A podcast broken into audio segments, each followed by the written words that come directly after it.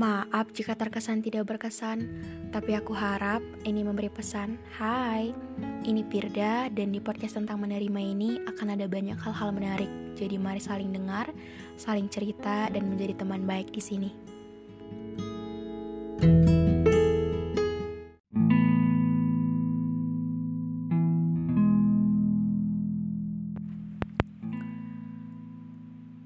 Ini cerita dari seseorang laki-laki yang awalnya tag posan Instagram story-nya tentang salah satu episode podcast dari tentang menerima.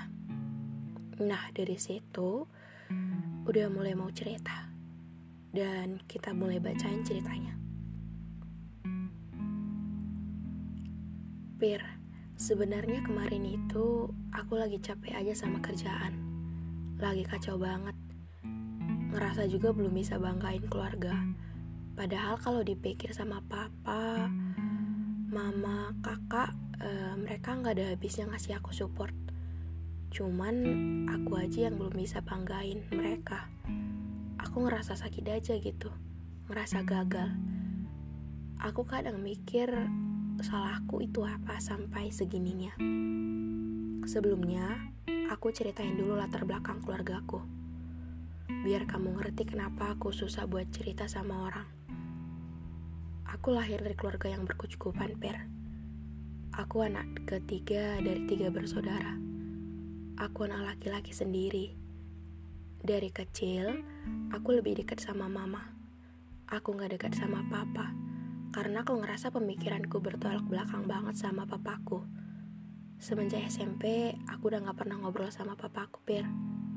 Bahkan dalam satu tahun itu, nggak pernah ngobrol gitu berdua sama papaku. 2017, masuk SMK, aku udah jarang banget cerita masalahku apa pun ke mamaku. Aku lebih banyak menutup diri nahan semuanya kalau lagi ada masalah. Bahkan pernah aku dapat masalah sampai dibawa ke polsek karena berantem dan aku nggak cerita sama orang rumah. Karena ya aku ingat pesan papaku, jangan pernah bawa tangis. Masalah ke rumah itu yang aku pegang dari kecil. Papaku juga pernah bilang kalau belum bisa bangga keluarga, jangan sampai bikin malu keluarga. Semasa sekolah, aku lebih suka ngelakuin semua hal sendiri. Entah itu ngerjain tugas, main, atau apa pun itu, aku lebih suka sendiri. Kadang kalau mamaku dan papaku lagi ribut, aku suka nggak pulang ke rumah. Aku main keluar kota keliling buat nenangin pikiran. Sering banget aku nggak pulang ke rumah, apalagi kalau orang rumah lagi ribut. Karena aku paling nggak bisa lihat orang diem-dieman di rumah. Rumah rasanya sepi banget, makanya aku lebih milih buat keluar kota. Aku mulai berhenti buat main keluar kota semenjak naik kelas 12. Karena aku udah ngerasa capek banget hidupku gitu. Jadi kalau lagi main-main lagi, nggak jelas ngabisin uang atau minum-minuman, pokoknya udah capek banget pir di situ. Dan di situ aku kenal seorang pir. Sedikit gue gambarin orangnya, dia orangnya gak cantik, tapi lebih tepatnya kemanis. Dia punya gengsul dan tingginya sekitar 180 maaf, tingginya sekitar 158 gitu. Dia baik banget, suaranya lembut. Semenjak kenal dia, aku ngerasa hidupku lebih berwarna. Aku gak ngerasa sendiri lagi, karena dia orangnya care banget dia yang selalu nungguin cerita keseharianku, walau ceritanya random banget, tapi dia excited banget nungguinnya. Itu yang bikin aku ngerasa, oh ternyata ada loh orang yang peduli sama aku. Ada loh yang mau dengerin ceritaku. Oh iya, aku sama dia beda kota, tapi masih satu provinsi. Mungkin sekitar 4 jam kalau pakai motor. Soalnya aku dulu kalau pulang sekolah sering main ke sana cuma buat nungguin dia keluar dari gerbang sekolahnya. Sampai akhirnya ada miskomunikasi antara aku sama dia. Tapi saat itu dia udah minta maaf sama aku. Tapi aku ngerasa kecewa banget. Aku ngerasa dibohongi dan aku orangnya paling gak bisa dibohongi. Mulai dari situ, aku lost kontak sama dia. Sampai akhirnya aku lulus sekolah, Pir. Gitu cerita dari pengirim cerita kali ini. Sebelumnya makasih udah bersedia cerita di sini karena mungkin cerita kamu ini akan sangat banyak mewakili juga sih karena sejujurnya ada banyak dan cukup banyak banget sih yang DM ke aku untuk minta bahas tentang uh, rumah atau broken home gitu. So, ya kita bahas di sini.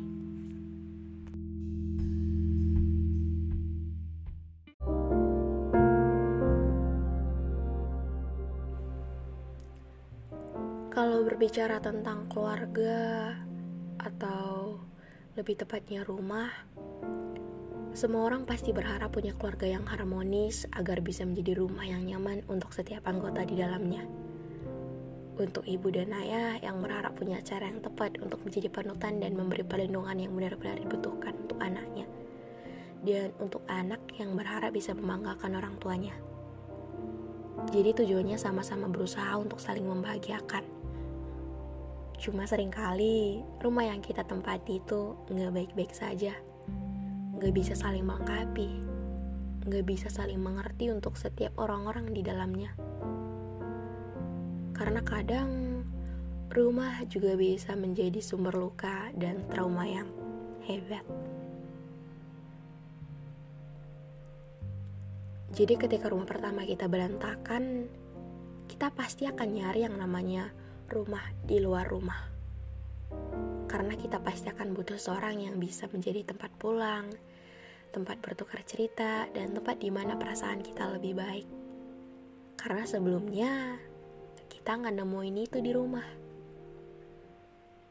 Mungkin ada yang udah nemu seseorang itu, atau ada juga yang gak pernah nemu dan gak pernah punya.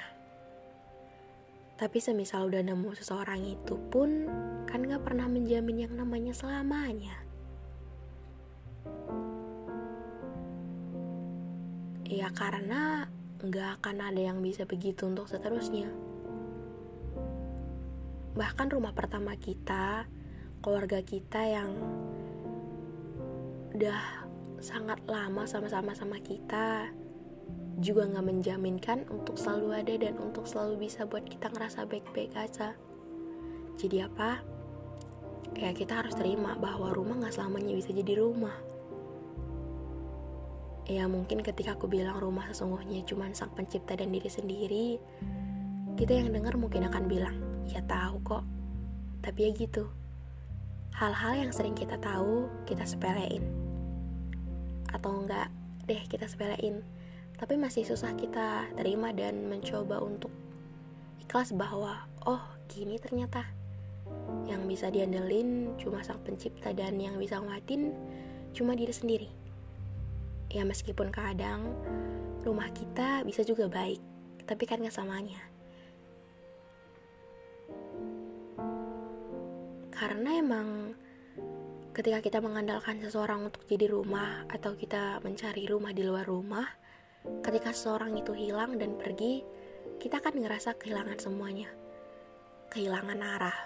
Dan pastinya kan rasanya sesakit itu.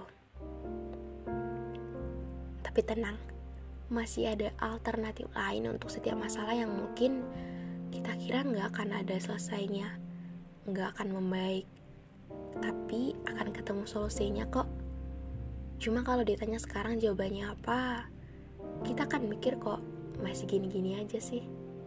Kok belum membaik.